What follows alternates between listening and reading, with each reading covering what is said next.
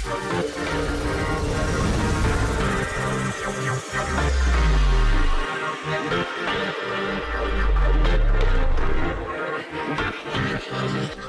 it's story time. Storyteller aku hari ini seseorang yang wah perjalanan karir dari awal bersama aku dan sampai sekarang kita selalu berhubungan baik. Runner up 1 Alhamdulillah. Gadis Sampul 2005 langsung saya tarik untuk masuk sinetron di MD. Siapakah dia? Sania Marwa. Hai, Hai. alhamdulillah akhirnya bisa ke sini. Aku juga thank you banget udah datang. Ya, aku juga happy banget diundang. Terima kasih. Terus berarti bener nih kita pertama awal tuh kamu discover by me. Iya, of course, yes. Pokoknya pertama kali aku gak disambut 2005 dan 2006 itu aku langsung tiba-tiba mendapat telepon dari Kak Sanjay. Kak Maro bisa datang nggak ya buat apa? So aku kayak ya Allah aku nggak punya pengalaman apa-apa kan. Udah gitu Kak kayak enggak udah pasti bisa. Aku inget banget di ruang casting. Udah pasti bisa. Ayo you can do it Maro gini nih pas aku baca peran utama pula. Udah Ah. gitu karakternya menantang banget Kak. Karakternya tuh dari yang gadis culun harus berubah menjadi gadis yang wow glamour kayak gitu. Aku bilang Kak, are you sure nih aku nggak yakin bisa deh. Bisa, udah kamu bisa, kamu bisa. Dan here I am, alhamdulillah Bisa. banget. Thank you so much. Tapi aku gini loh, aku seconfident itu waktu awal. Heeh. Karena begitu kamu coba, itu kamu langsung bisa. Iya ya. Dan maksudnya beberapa director juga pas ngeliat kamu langsung yang oke dengan Iya, kamu iya. gitu. Karena emang kamu tuh acting tuh langsung tek. Apa emang kamu suka? Apa emang kamu merasa itu jiwa kamu? Atau gimana tuh awalnya?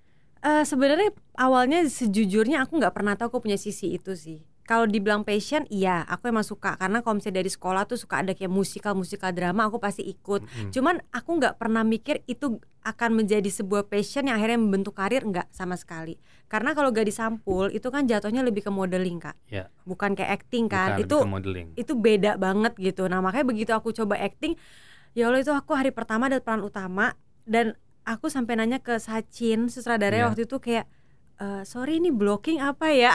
aku nggak tahu itu. Terus aku baca skenario ada VO. Heeh. Aku colek pemain aku, aku lupa itu siapa. Eh ini VO apa ya gitu. Mungkin dia dalam hati juga kayak ini peran utama aku nggak ngerti apa-apa ya. kayak gitu kan. Jadi ini VO apa itu voice over. Maksudnya nanti kamu ngomong dalam hati. Oh oke, aku nggak tahu gue bilang ya Allah Kak Sanja kok bisa percaya sih sama gue gitu. Nah itu memang akhirnya dari situ baru kebentuk dan Sachin juga eh, salah satu yang berjasa banget. Ya. Dia ngajarin aku dari nol dan dia bilang Marwa kamu nih udah punya bakat, tinggal kamu asah gimana arahnya kamu mau ke mana gitu kan dan sampai akhirnya terbentuklah juga oleh dirimu kak. Kalau aku nih ternyata lebih ke arah antagonis. sampai sekarang kayaknya kan image-nya gitu ya. Iya. Image-nya aku tuh lebih ke antagonis. Itu juga karena kamu kak. Mati ya. Padahal awalnya kita main nggak antagonis ya. Eh, sebenarnya di saat eh, cookies itu kayak semacam mini seri itu aku adalah awalnya protagonis ke antagonis. Mungkin ketika aku memerankan si perempuan yang udah glamour itu kok kayak lebih dapat mungkin Lebih gitu kali. Jadi next next aku judulnya eh, lumayan aku banyak, Banyak di di MD. MD, ya banyak. Dan alhamdulillah lumayan panjang-panjang juga. Iya, betul. Iya itu kamu kan? umur berapa? Itu aku umur 16 16 jadi lagi SMA ya? SMA. SMA ya. izin-izin mulu tiap hari izin dengan callingan itu dan aku salut juga eh, ini asal kalian tahu juga ya guys MD itu sangat menghargai schedule sekolah aku saat itu jadi kasanya juga menerima aku masih sekolah SMA jadi aku bisa eh, syuting setelah jam sekolah mungkin kalau emang kepepet banget urgent baru harus izin, Izin. itu pun jarang banget gitu makanya Duh, alhamdulillah banget bersyukur banget deh. Iya kalau ngomongin zaman dulu kan kita bisa karena mungkin masih weekly kali ya.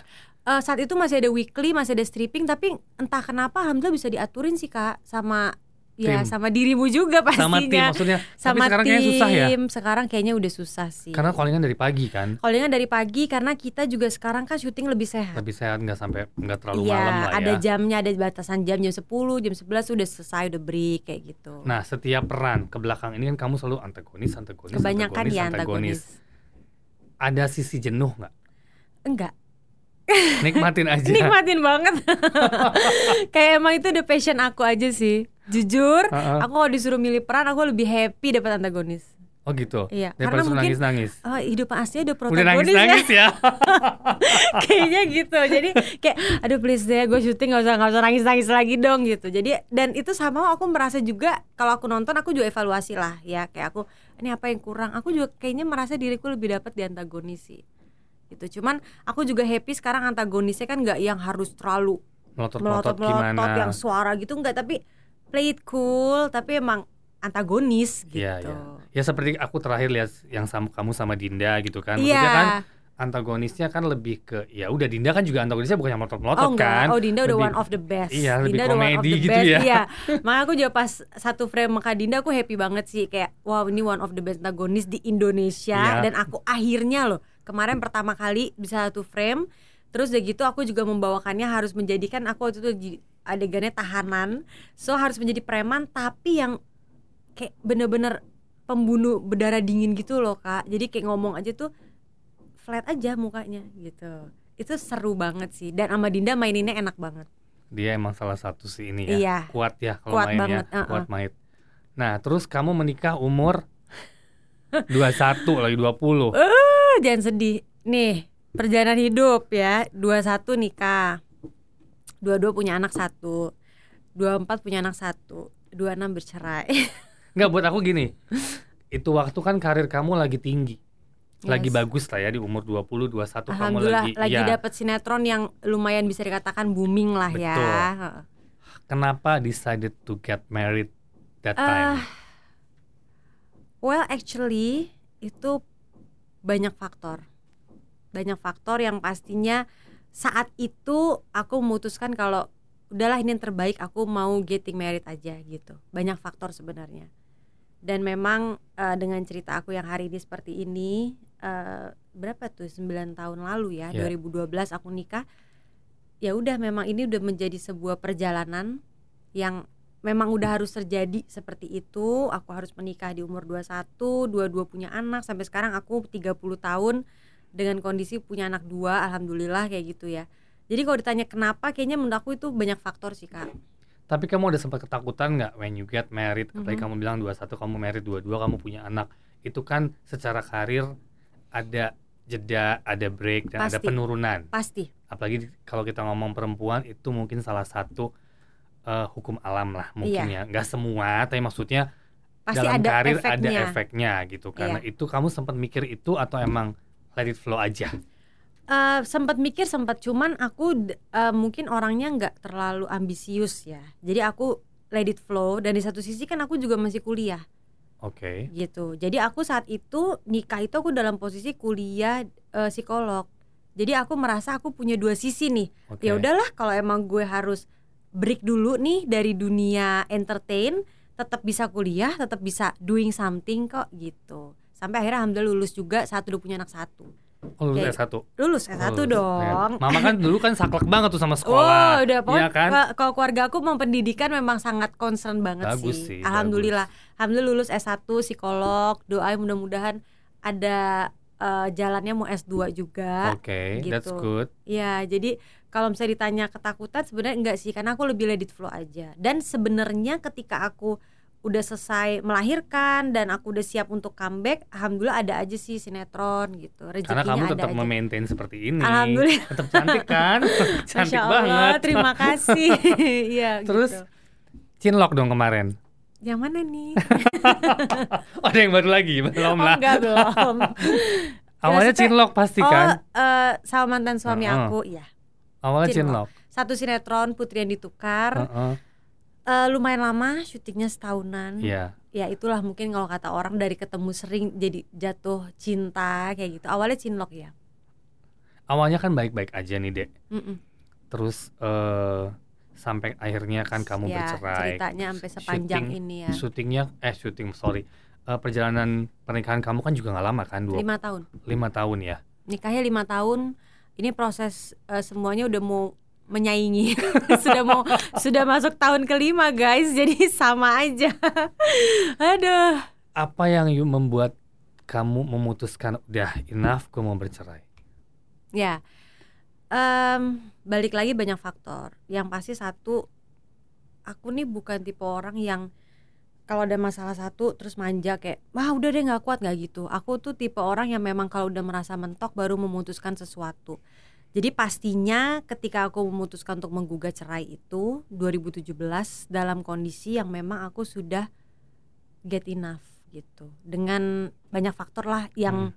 secara garis besarnya mungkin aku bisa simpulin udah tidak ada kecocokan lagi dan udah nggak bisa dilanjutin lagi gitu dan itu berat banget sih kak sebenarnya itu keputusan yang berat karena aku sadar saat itu aku punya dua orang anak yang masih kecil banget banget banget Sabira tuh masih setahun setengah loh ya yang ngomong aja belum bisa. Terus. Syarif juga baru empat tahun. Jadi ya kalau memang aku nggak merasa mentok banget nggak mungkin juga aku ambil keputusan seperti itu. Karena memang udah merasa ini jalan terbaik untuk segala pihak lah kayak gitu.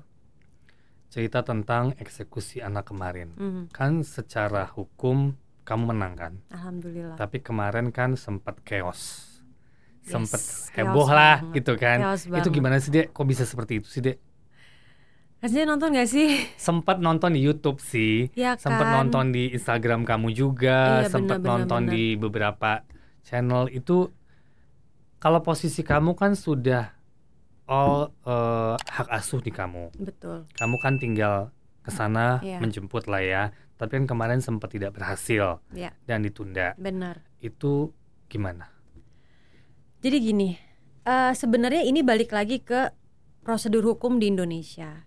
Prosedur hukum di Indonesia tuh memang eksekusi anak itu pendekatannya harus persuasif dan humanisme. Beda sama eksekusi barang. Kalau eksekusi barang tuh boleh ada upaya paksa kayak gitulah. Cuman kalau anak ya kita ngomong ini adalah manusia yang punya perasaan dong. Kita juga harus jaga jiwanya, kita harus Betul. jaga psikolognya, psikologisnya maksudnya. Jadi memang eh nggak bisa dipaksa gitu loh kak. Nah memang kemarin itu kondisinya eh banyak drama, banyak faktor juga yang sampai bikin eksekusi itu gagal dan harus ditunda. Dan yang aku sayangkan adalah drama-drama yang terbentuk itu justru datang dari orang-orang yang seharusnya bisa lebih menjaga sikapnya, gitu.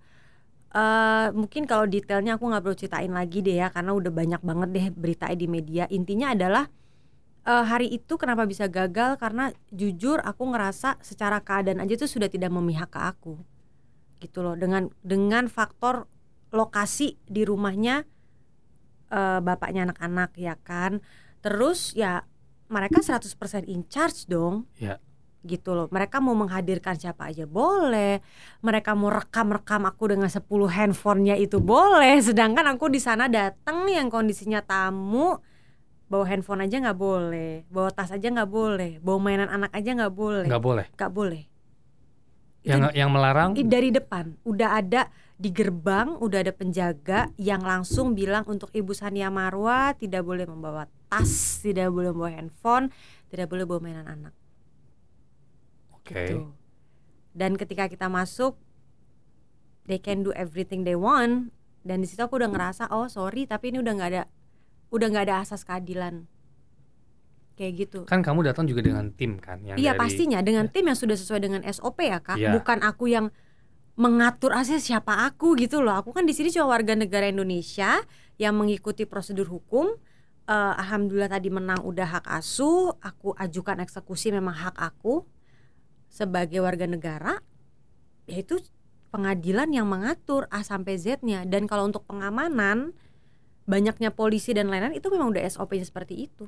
tapi dengan sebanyak itu Mhm, yang datang bersama kamu membuat anak kamu masih kecil kan Bener. mentally yang kamu harus jaga Iya. tadi kamu bilang itu ada nggak efek itu dari sana juga ketakutannya mereka Oke, kita anggap aja iya, Heeh, ya. Iya. Kita anggap aja iya deh. mm-mm. Emang benar, mungkin anakku panik panik ngelihat orang sebaik Banyak itu. itu. Oke, makanya ketika aku nyampe setengah sepuluh, ketika satu jam anak aku nggak mau keluar dari kamar, eh, pengadilan memutuskan, bu, mending sekarang kita tarik dulu tim.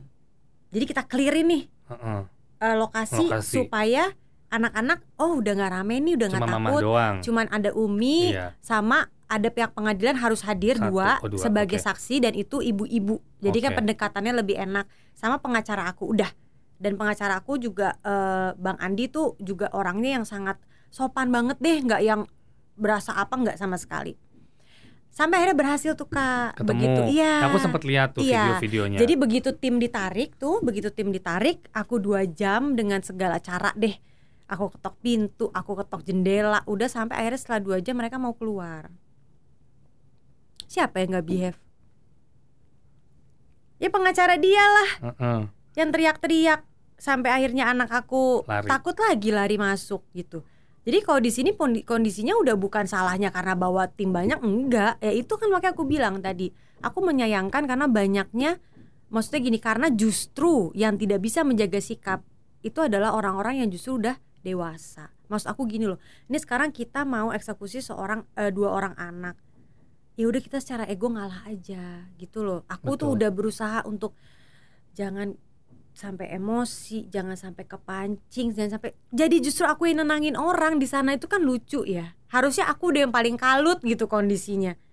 Kayak gitu. Jadi di situ aku aku udah bilang kenapa bisa sampai gagal tuh sebenarnya banyak faktor sih. Nah sekarang kondisinya di pending. Depending ditunda. Berapa lama belum tahu. Belum tahu dan itu tergantung aku, Kak. Jadi itu tergantung aku ngajuinnya kapan ke pengadilan. Gitu. Dan aku sekarang masih dalam tahap meminta petunjuk sama yang maha kuasa aku sholat istiharo terus aku juga ya banyak lah faktor-faktor yang aku timbang kayak gitu jadi belum belum tahu kapan belum ada tanggalnya Bicara tentang anak nih dek. Kan dia sempat mention takut diculik sama Umi. nggak dibukain pintu lah segala macam gitu-gitu kan. Itu kan ada unsur-unsur lainnya aku juga nggak tahu ya. Kok Iya. bisa sampai kamu ketemu mereka mungkin jarang sekali. jarang dan sebenarnya ada faktor pandemi inilah Heeh. karena kalau sebelum pandemi aku rajin kak aku tuh bela-belain seminggu dua kali ke sekolah Oh betul, kamu masih bisa bertemu di masih sekolah bisa bertemu di sekolah dan mereka welcome. banget banget banget welcome. Aku yakin anakku tuh nggak nggak ada takutnya deh sama aku ya. Orang aku juga uminya aku mau ngapain? Iya, betul. gitu loh. betul. nah cuman karena memang kondisi pandemi udah setahun sekolah online setahun itu pula aku tidak ketemu. Dan kamu nggak coba untuk datang. datang. udah. Semua di close. ditutup di close. Terakhir aku coba sebelum eksekusi itu ulang tahun Syarif 25 Maret aku coba datang. Ditolak mentah-mentah aku datang cuma nama asisten aku doang. Mbak Erna yang kondisinya memang itu sudah sangat dikenal sama keluarga itu karena itu asisten aku dari aku belum nikah gitu. Jadi aku datang dan nggak dibukain pintu. Jadi nggak usah membawa cerita iyalah nggak di ini ini soalnya rame. Ya datang sendiri juga nggak di welcome jadi jangan salahin kalau aku memilih langkah eksekusi sebagai last choice. Itu sebenarnya buat aku last aku juga nggak happy kak aku Dengan pun sebagai ini ibunya ya, aku juga nggak happy dengan harusnya ada langkah eksekusi itu aku nggak happy loh kak. Cuman ya at the end of the day aku harus bersuara untuk keadilan aku sendiri dong. Aku berjuang mendapatkan hak asuh tuh nggak sebentar loh kak. 4 tahun. Iya. dan ketika finally it's on paper apa nih? Apa nih yang bisa aku lakuin gitu. Dan kalau memang bapaknya anak-anak itu dari awal mau menyerahkan secara baik-baik mengikuti putusan pengadilan nggak akan ada drama eksekusi itu nggak akan terjadi. Gitu loh karena sebelumnya kan dikasih waktu tuh namanya unmanning 8 hari. Jadi eh, kedua belah pihak didudukin eh, dikasih tahu pak ini sekarang ibunya udah dapat hak asuh kita kasih waktu 8 hari ya bapak kasih baik-baik. Oh di situ aku ngarep banget itu terjadi. Karena once itu terjadi selesai. Everything is beres. everything is good Beres, udah iya. selesai ternyata 8 hari itu enggak dikasih juga jadi ya udah kita harus Pada waktu step kamu bertemu berdua, kamu sempat bertemu berdua dong? enggak dia pakai pengacaranya Oh, emang sudah tidak face to face. enggak face to face kemarin pun eksekusi enggak ada dia kan Oh nggak ada dia juga? oh enggak ada enggak ada Oke. gitu Menurut kamu, kenapa dia berbuat seperti itu? Apakah ada kekecewaan atau ada hal-hal lain? aku nggak ngerti. Kalau sekarang kalau ngomong kecewa gini deh kak yang namanya perpisahan tuh pasti ceritanya nggak enak. Yes. ya dong kalau ceritanya enak tuh adalah sebuah ya udah sebuah hubungan baik. Namanya perpisahan tuh udah pasti ada cerita nggak enak dari kedua belah pihak. Mm-mm. ya dong. Pastinya dia ada rasa kecewa sama aku jelas. Itu aku nggak nggak akan tutupin. Aku punya rasa kecewa sama dia ada kayak gitu. Jadi kalau ditanya sebabnya apa Ya kedua belah pihak kedua lah. belah pihak dengan perasaannya masing-masing gitu cuman aku di sini juga bukan men- merasa menjadi yang sempurna tidak tapi se- seenggaknya aku merasa aku sudah cukup sabar untuk menurunkan ego aku masalah anak gitu Oh Iya, sebentar. Bagaimana komunikasi kamu dengan anak selama pandemi ini kan berarti kan kamu hilang nih. hilang Kalau dulu kan kamu bilang kamu ke sekolah. ke sekolah seminggu dua kali Nah, sekarang ini sama sekali kamu nggak bisa. nol Telepon. nol nggak ada sama sekali. Makanya dalam artian setahun balik lagi tadi ke omongan Kak Sanjay yang anak aku sempat keluar kata-kata culik itu setahun itu aku nggak ada kontak sama mereka. Sekarang gimana? Bayangin perasaan aku udah setahun nggak kontak nggak ada ketemu sekalinya ketemu pertanyaannya Umi mau nyulik aku ya? gitu. Berderai dong oh tambah. ya Allah. Ini aja nih udah hampir sebulan makanya bisa cerita tanpa air mata. Seminggu dua minggu awal chaos banget chaos banget sih itu gila deh Tapi pokoknya. selama setahun itu berarti kamu bek- bekerja keras pasti untuk coba masuk dan untuk coba masuk dengan se- dengan berbagai macam cara ya aku Heeh. juga sempat mm, eh, KPAI juga sempat Iya, terlibat betul. akhirnya KPAI juga sudah sampai ada suratnya yang menyatakan kalau mereka lepas tangan karena mereka sudah melakukan upaya-upaya yang seharusnya mereka lakukan tapi mentok Wow. gitu sampai mereka lepas tangan dan mereka eh, menghimbau untuk ya para pihak menghargai putusan MA terutama bapaknya yang udah memutuskan untuk eh, menghukum menyerahkan anak itu gitu. Yang sampai sekarang belum juga kayak gitu kan. Jadi memang eh udah berbagai macam cara sih kak gitu. Tapi aku senengnya yang bikin aku tetap semangat itu karena anakku tiap aku jawab I love you dia jawab love you too terus pas aku lagi ada momen ketemu aku tanya masih sayang gak sih sama Umi terus Syarif nyaut sayang lah kan Umi yang ngelahirin kayak gitu buat Syarif aku tuh sekarang umur mahal. berapa? 8 Oh, so udah mulai ngerti ya. I think ya Kalau yang aku satunya rasa Sabira Heeh, itu eh, mau lima insya Allah bulan depan mau lima, eh mau enam mau enam. Mm-mm. bedanya dua tahun Kalau delapan harusnya lebih mengerti sih. harusnya lebih, mengerti Lebih. lebih mengerti Berarti ada Mudah-mudahan. jawaban-jawaban tuh dari anaknya ya. Alhamdulillah anakku tetap sayang kok sama aku. Itu aja sih yang aku aku mau fokusin gitu ya kak. Maksudnya kayak ibaratnya kalau kita fokus ke hal-hal yang negatif itu makan diri aku aku nggak mau. Gitu. Karena aku juga di sini harus tetap ya I have to be standing untuk mereka juga gitu Betul. loh kalau aku drop ya selesai kan gitu Betul, ya. Betul. amit-amit deh gitu. Jadi udahlah aku mencoba positifnya aja. Insya Allah Allah akan kasih jalan gitu Sempat ada ucapan-ucapan bang juga bahwa kamu yang mengeksploitasi everything ke media. Mm-mm. Enggak, it's not true. Sangat tidak benar. Sekarang gini, aku nggak usah ngomong ke media, wartawan itu mencari tahu sendiri tanggal cerai aku. Mereka udah punya caranya lah, mungkin nanya ke pihak pengadilan ya, pihak pengadilan memberitahu mereka, iya nih nanti akan ada sidang. Jadi setiap sidang itu wartawan udah penuh di depan itu ya bukan aku yang terus mengcalling mereka Iya. kan nggak mungkin dong Mereka udah tahu agendanya mereka kok. udah tahu agenda itu satu yang kedua juga mereka ya posisinya sekarang itu pengadilan bukan punya aku kak aku Yes. nggak bisa memberi maklumat kayak saya nggak mau ada media yang nggak bisa dong gitu nah terus kemarin yang waktu eksekusi kok aku dibilang memang eksploitasi kan yang sekarang media sampai bisa ke dalam rumah merekam semua adegan itu kan siapa yang ngundang aku aja nggak tahu gitu loh Dan kamu nggak bawa handphone. aku aja nggak bawa handphone dan media itu memang ada depan gerbang itu aku udah expect Oke. karena Tanggalnya udah ada. seminggu sebelumnya pengacaraku info wah tadi media udah ada yang nelfon ada yang nelfon nih nanya tanggal eksekusi dan mereka udah tahu tanggal 29 oh ya udahlah bang mau ngomong apa soalnya toh juga mereka pasti cuma bisa di depan gerbang Mm-mm. ya dong itu kan semua kondisi eh, eksekusi dalam rumah jauh lah gitu udahlah biarin aja deh di depan tak paling aku kasih ya hari ini kita eksekusi apa kayak gitu-gitu udah it's not a big deal for me gitu loh dan tiba-tiba aku masuk udah ada mobil sebuah stasiun Di TV dalam. di dalam kita aja nggak boleh masuk mobilnya itu stasiun TV mobilnya masuk Oke. jadi kalau dibilang mau eksploitasi kayak kebalik deh Kita flashback lagi nih Iya. sedikit. Apa yang kamu pikirkan dan kamu mantap banget pada saat tuh kamu ninggalin rumah pertama kali? oke Eh, Itu kamu ninggalin anak juga pak anak kamu bawa No, dulu? aku Kamu bawa, bawa. kan? Tahu Aku- kamu bawa.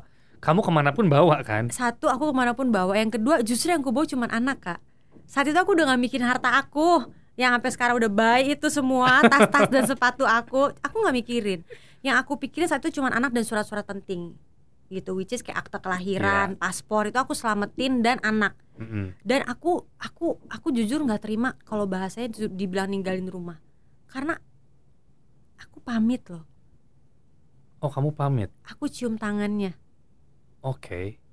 itu menurut aku nggak ninggalin rumah deh Iya. aku posisi keluar rumah dengan gentle aku bilang I cannot do this anymore saya mau cerai please understand. Saya nggak bakal bawa ribet apa pun.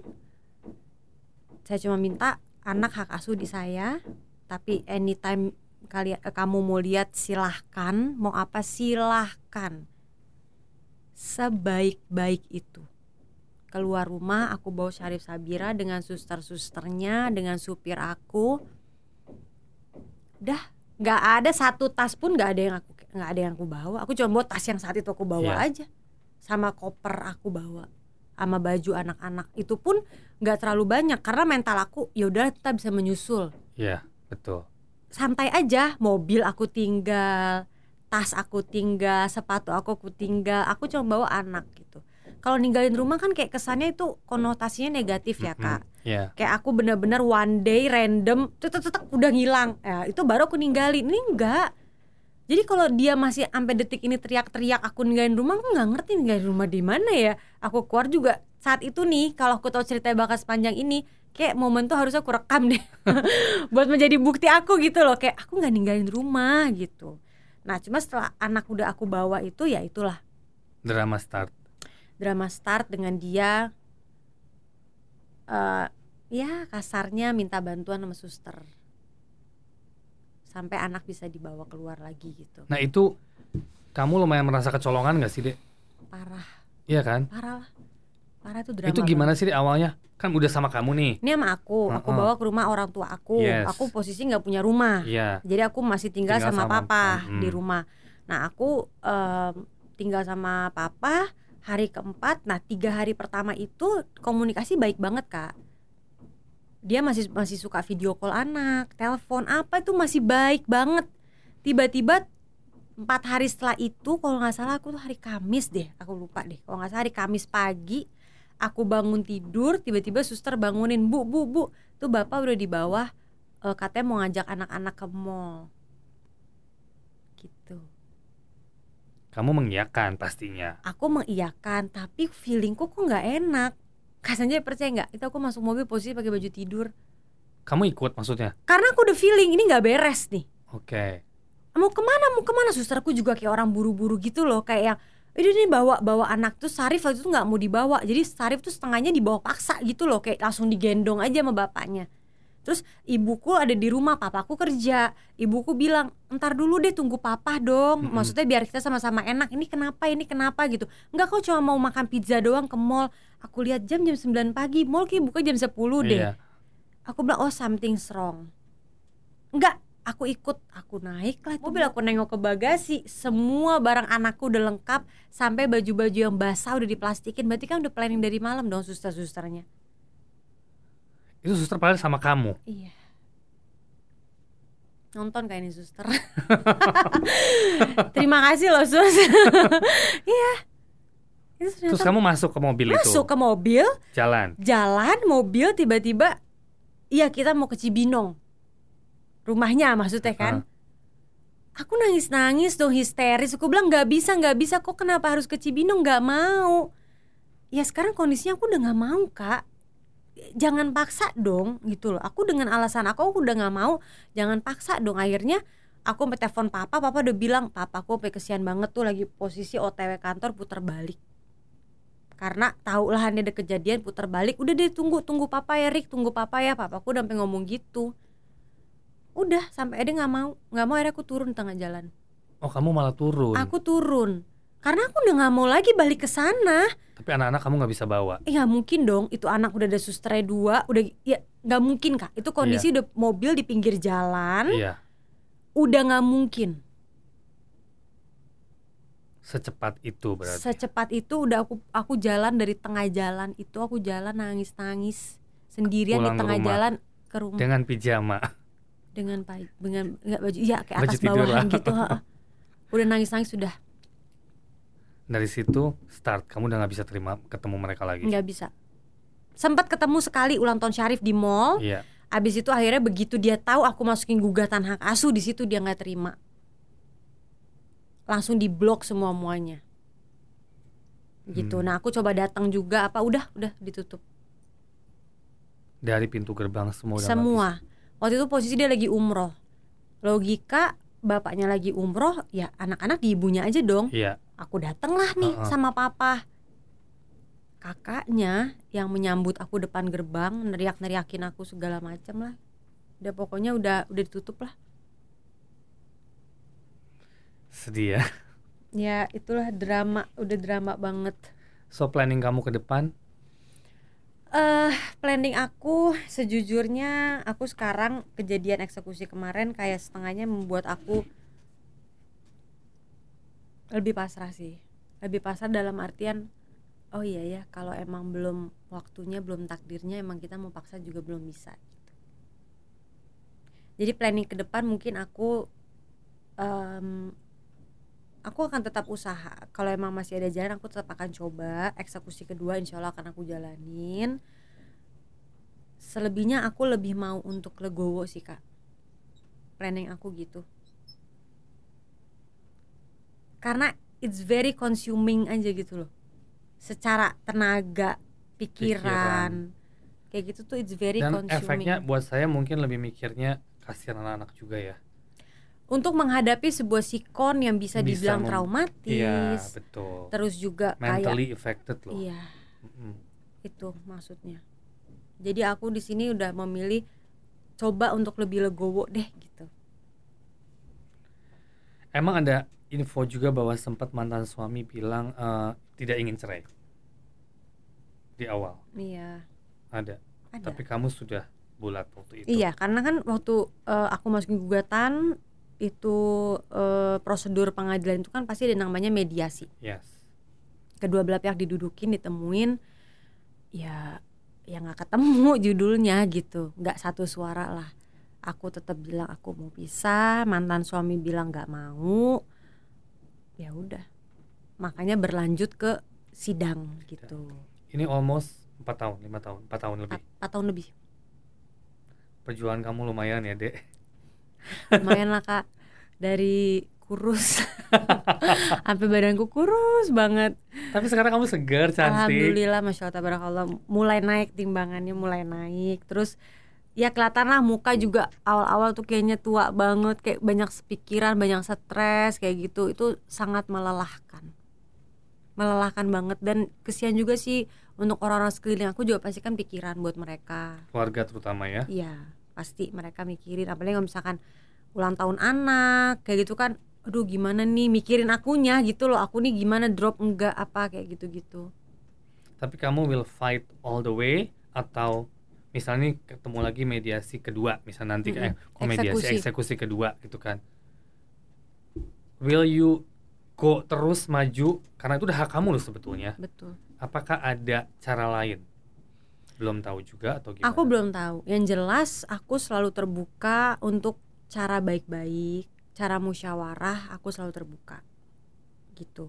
Karena di sini aku lebih mementingkan kepentingan anak sih daripada ego aku ya. Kayaknya ego aku udah udah nggak tahu di mana deh.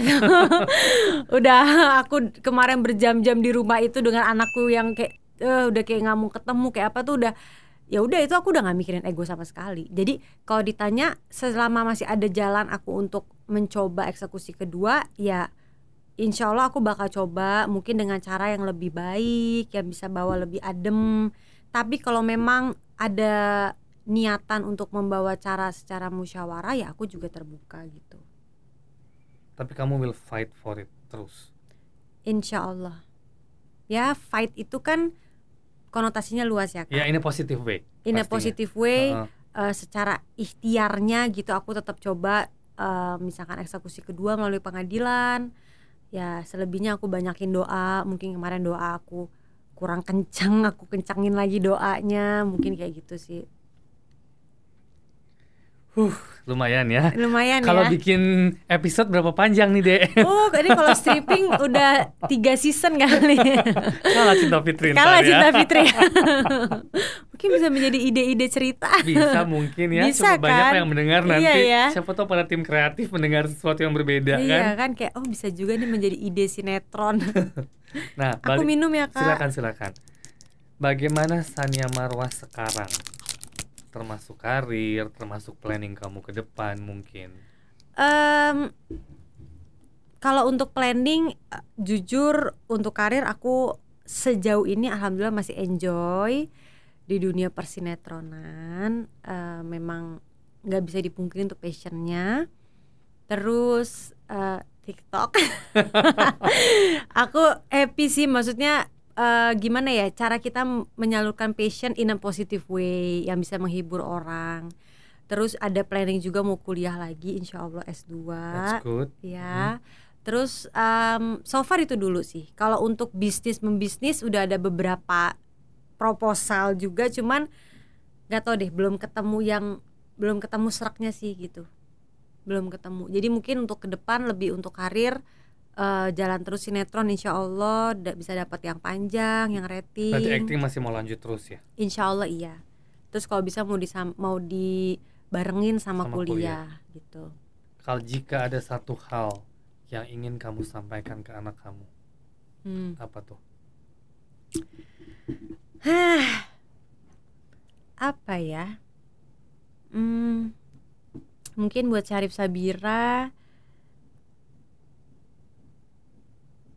tetap semangat.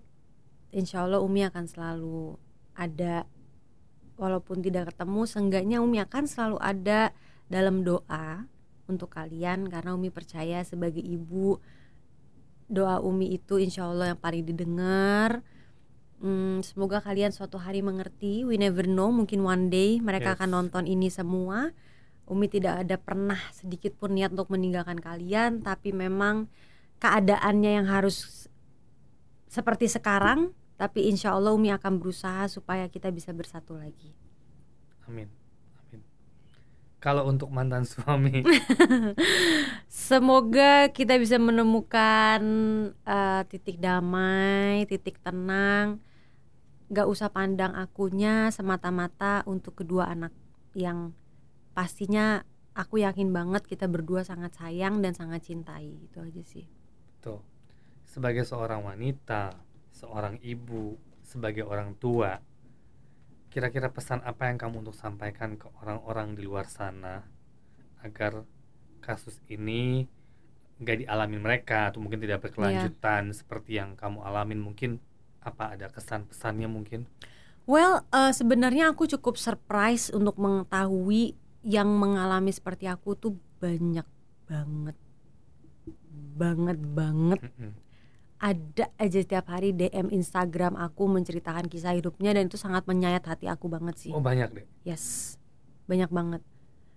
Makanya aku cuman kayak ya Allah gimana ya ini caranya maksudnya kayak secara hukum Indonesia tuh mungkin memang prosedurnya udah benar, tapi kalau menurut aku mungkin nggak ya ada upaya yang lebih bisa eh, menindak tegas gitu loh kak karena banyak kondisinya seperti aku mungkin kalau public figure yang orang udah pasti banyak tahu seperti Bunda Maya dia juga sebenarnya on paper menang loh hak asuh gitu Oke. tapi memang akan ada mentok di situ karena kita bukan cerita eksekusi barang bahkan kemarin aja tuh pengadilan kayak aduh mbak ini kita bahasanya kita alusin ya mbak jangan eksekusi penjemputan oke karena yang kita hadapi ini manusia gitu. Jadi Betul. mungkin eh, terutama untuk ibu-ibu yang sedang mengalami seperti apa yang saya alami terpisah dari anak, em, yang pasti tetap berusaha, jangan putus asa, jangan pantang menyerah, percaya kalau Tuhan tuh pasti akan ada selalu membantu dan menolong kita. Mungkin dari kisah saya bisa di bisa diambil pelajaran satu dua prosedur pengadilan itu seperti apa. Mau dijalanin monggo silahkan. Tapi tetap menurut saya keadilan dari Tuhan itu adalah yang paling Utama. utama dan segala-galanya. Jadi tetap keep fighting tetap kirim doa karena banyak juga yang udah DM aku dengan segala cerita yang penuh dengan keajaiban ini surprise loh ini menarik banget Banyak sekali deh. banyak sekali kak sinetron tuh nggak lebay udah itu aja sinetron tuh nggak lebay kak Sanjay itu it's Itu yang kita it anggap does- lebay loh. yes Heeh. it happen Di a luar lot sana lebih banyak Yes. yang lebih drama. yes kak ini aku aku bocorin satu cerita aja nih Uh-uh, yang penuh dengan keajaibannya ya. Iya.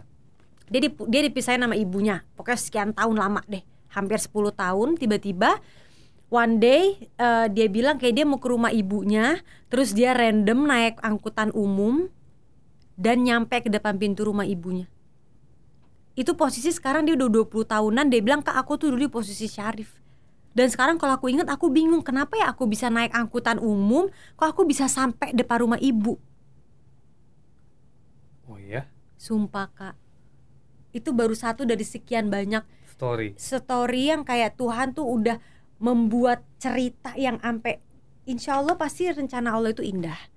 Pasti endingnya tuh indah gitu. Dengan segala keajaibannya, dengan segala kemuzizatannya Itu banyak banget Dan aku sangat terharu karena mereka menceritakan itu ke aku Pastinya dengan tujuan supaya aku juga kuat, strong, and yakin one day One they'll day. come to you. Amin, kayak begitu. Jadi untuk yang udah DM terima kasih saya sangat menghargai. Untuk yang masih mengalami tetap semangat. Insya Allah one day, one day pasti itu semua akan berpihak kepada kita. Amin. Amin. Kita semua harus berdoa. Kencangin Hanya doanya itu, lagi. Ya, hanya doa yang kita Hanya punya. doa karena at the end of the day keadilan Tuhan itulah yang bisa menyelamatkan kita, bukan keadilan manusia. Aku udah di tahap itu sih, sorry. Good. Iya, Mm-mm. gitu. Oke. Thank you so much. Terharu nih kita semua yang denger Iya. sampai diem. Emang cerita so yang much luar ya. biasa sih. Cerita yang sangat real dan sangat sangat, luar real biasa. dan mudah-mudahan obrolan kita hari ini ya kak bisa memberi kekuatan juga pasti. Buat yang Harus. nonton mau itu saya nggak terus selalu di pihak ibu ya ada juga banyak cerita bapak yang nggak bisa sama anak Mm-mm. ada juga Iya. semoga tetap dikasih semangat juga untuk bapak-bapak yang kangen sama anaknya bener gak Betul. dan untuk semua anak-anak juga yang pernah mengalami ini banyak juga yang DM Banyak. sebagai anaknya banyak juga yang DM. banyak juga yang DM tetap semangat dan sayangi orang tua kalian karena pasti mereka mau yang terbaik Dah, Yes, definitely. Mhm. Thank you so much for today. You're welcome. Uh, terharu. Jangan lupa subscribe, comment, and like hari ini Hello Story with Sania Marwa. Cerita yang luar biasa. Thank you. Aduh, kita semua lemes sih dengarnya. Thank you ya, Dek. Thank you for today. Iya, sama-sama Kak Sanjay. Terima Thank kasih you. juga.